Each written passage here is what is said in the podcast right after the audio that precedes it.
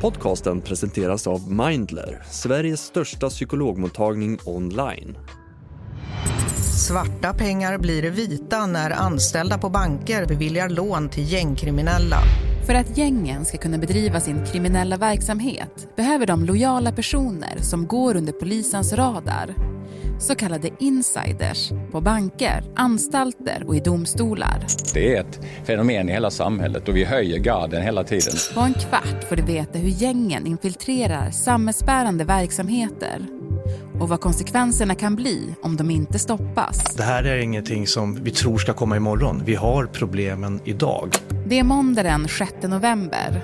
Det här är Dagens Story från Svenska Dagbladet med mig, Alexandra Karlsson. Och idag med Frida Svensson, granskande reporter på SvD.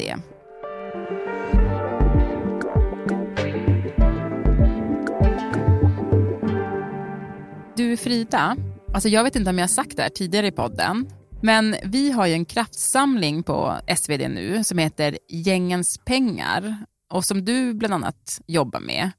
Vad är det för något? Ja, men eh, vi förstod ju att gängkriminaliteten det är en av vår tids största samhällsfrågor. Här behöver journalistiken vara i allra högsta grad. Men när mycket av rapportering handlar om skjutningarna, vilket nätverk som skjuter mot vilket, det finns en risk att det liksom stagnerar lite där. Och vi vill ju förstå den organiserade brottsligheten på djupet och också blottlägga ekosystemet som den organiserade brottsligheten bygger upp för att hantera sin narkotikasmuggling och eh, självklart också granska pengarna. Det är flera världsledande kriminologer också överens om att ska man granska maffian och den organiserade brottsligheten då måste man titta på pengarna. Mm. Vi måste förstå hur de här eh, organisationerna arbetar för att kunna förstå dem och blottlägga dem. Mm. Ja men precis, det är ju lite det här klassiska follow the money. Ja precis, ett sånt känt journalistiskt uttryck som man, jag tror man liksom känner sig lite god när man slänger sig med det. Men vi, vi tar ju det här på allvar. Vi har en, en grupp som kommer bevaka det här över tid. Vi vill verkligen med det här också kunna visa hur kriminaliteten äter sig in i samhällskroppen och i näringslivet. Ja men precis, och det är det vi kommer göra i avsnittet idag. För att om man pratar om organiserad brottslighet så är de ju beroende av det man kallar för möjliggörare ute i samhället. Vad är en möjliggörare? Ja, en möjliggörare kan finnas på flera olika nivåer och inom olika verksamheter men den gemensamma nämnaren är väl egentligen att de sitter på en position eller de har kontakter som kan öppna dörrar åt de kriminella som de kriminella då är beroende av för att kunna bedriva sin kriminella verksamhet oavsett om det handlar om penningtvätt eller narkotikahandel eller då i allra högsta grad går ju det här hand i hand med varandra.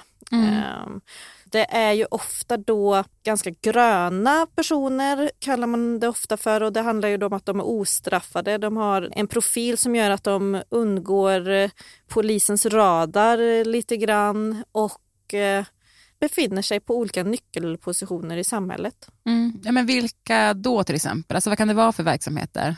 Ja, när polisen fick tillgång till Encrochat-materialet och alla dessa eh, chattar så såg man ju exempelvis att banktjänstemän, revisorer och mäklare var tydliga exempel på sådana här möjliggörare eller insiders. Mm. Det är ändå lite så, man blir lite förvånad ändå. Men det kanske är naivt.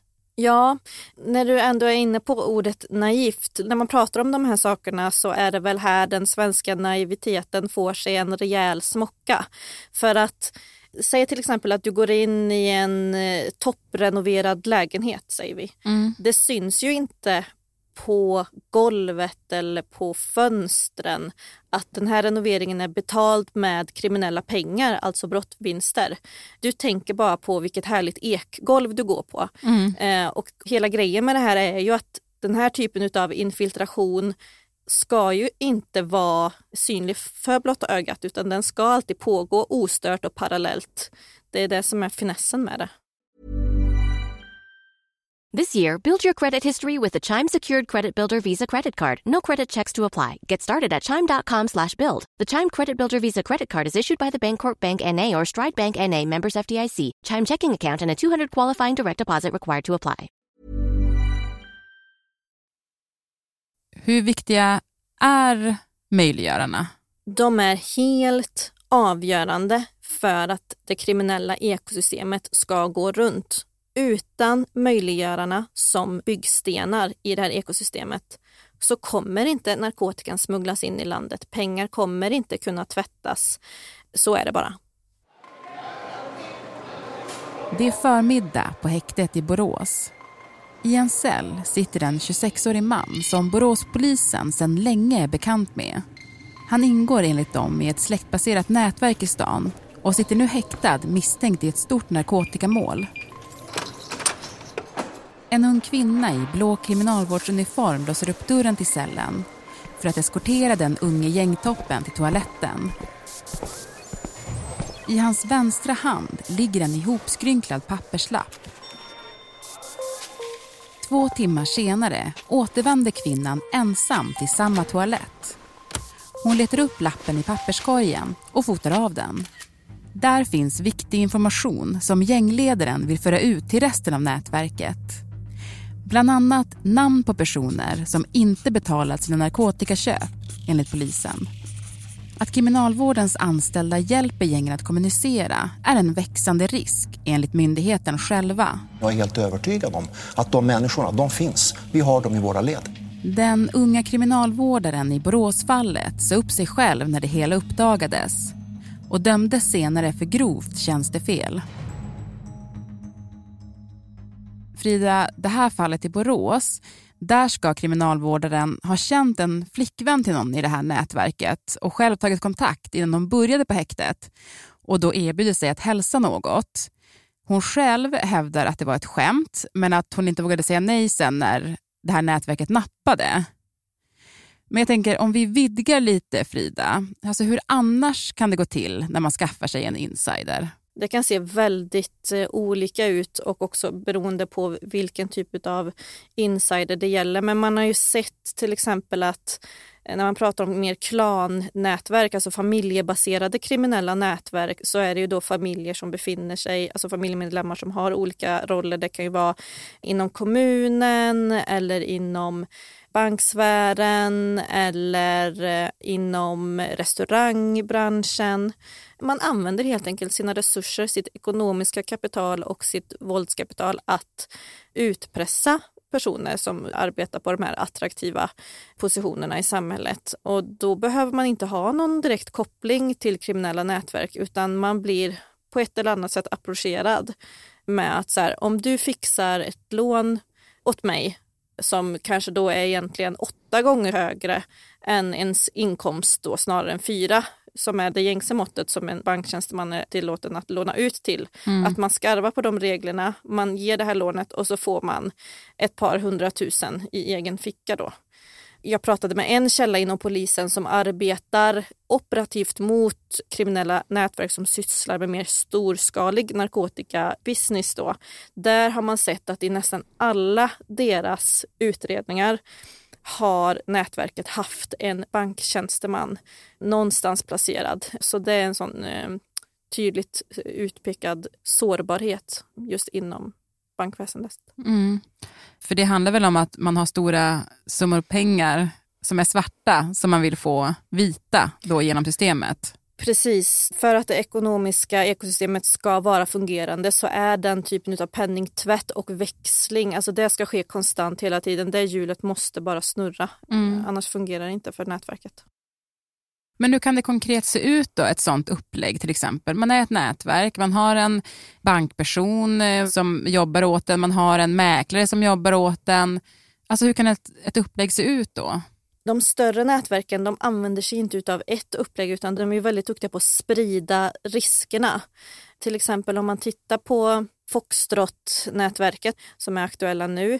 Om syftet är att smuggla in stora mängder narkotika i landet, okej, okay, vilka nyckelstationer passerar de här narkotikapartierna på? Ja, men exempelvis tullen eller hamnen. Att ha personer som arbetar för en som insider där kan vara väldigt avgörande. Har du personer som finns anställda på häktet som på något sätt möjliggör att man kan fortsätta sin business inifrån häktet eller anstalten, då är de en möjliggörare.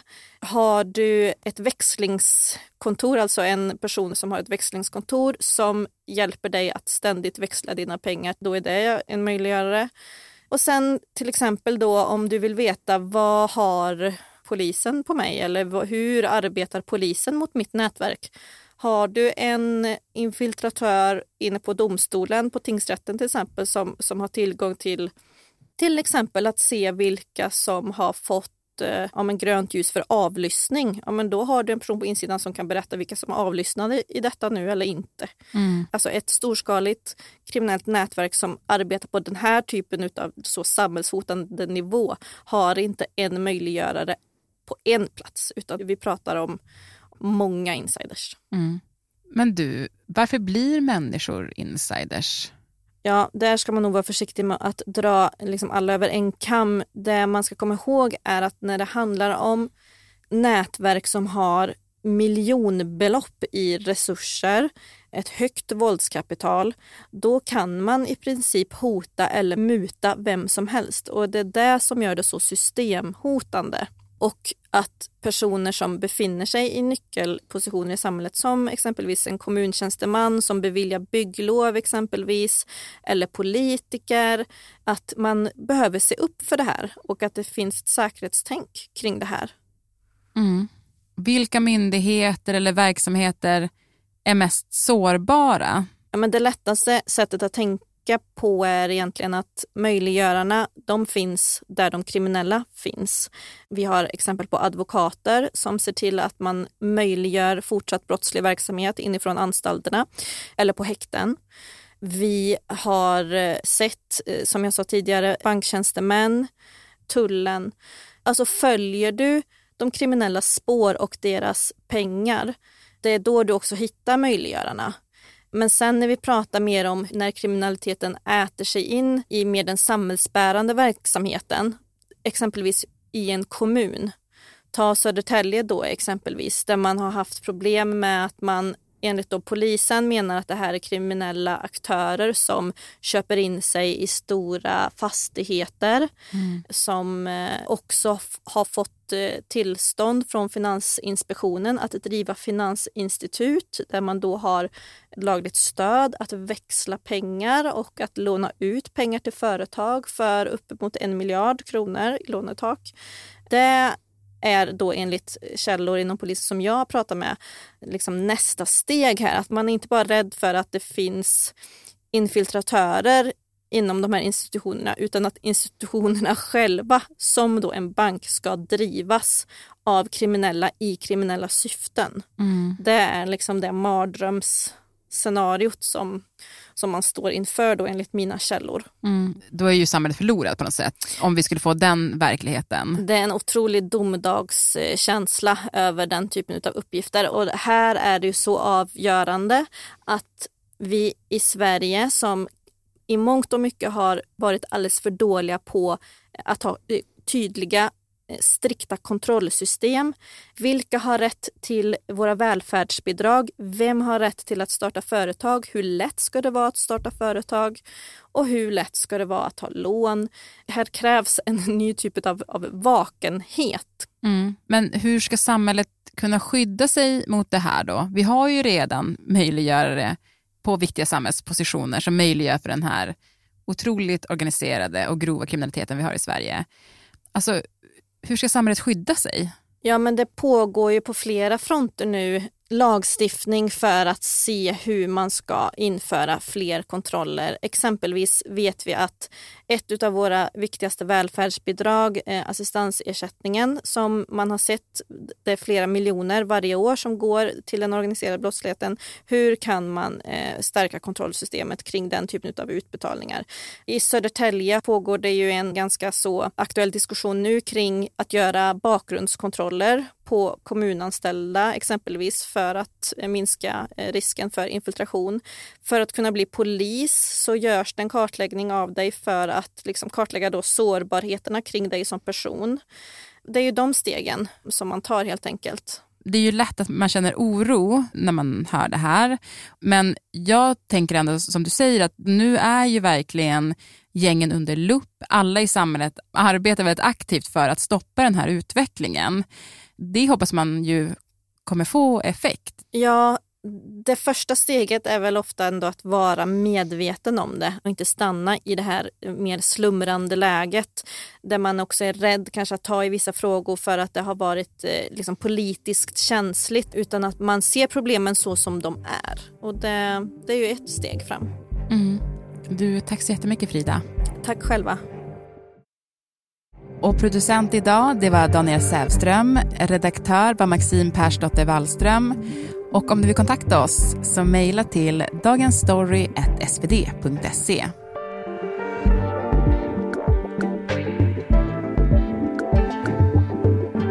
Och klippen i programmet kommer från Sveriges Radio, SVT Nyheter och SVT-programmet 30 minuter.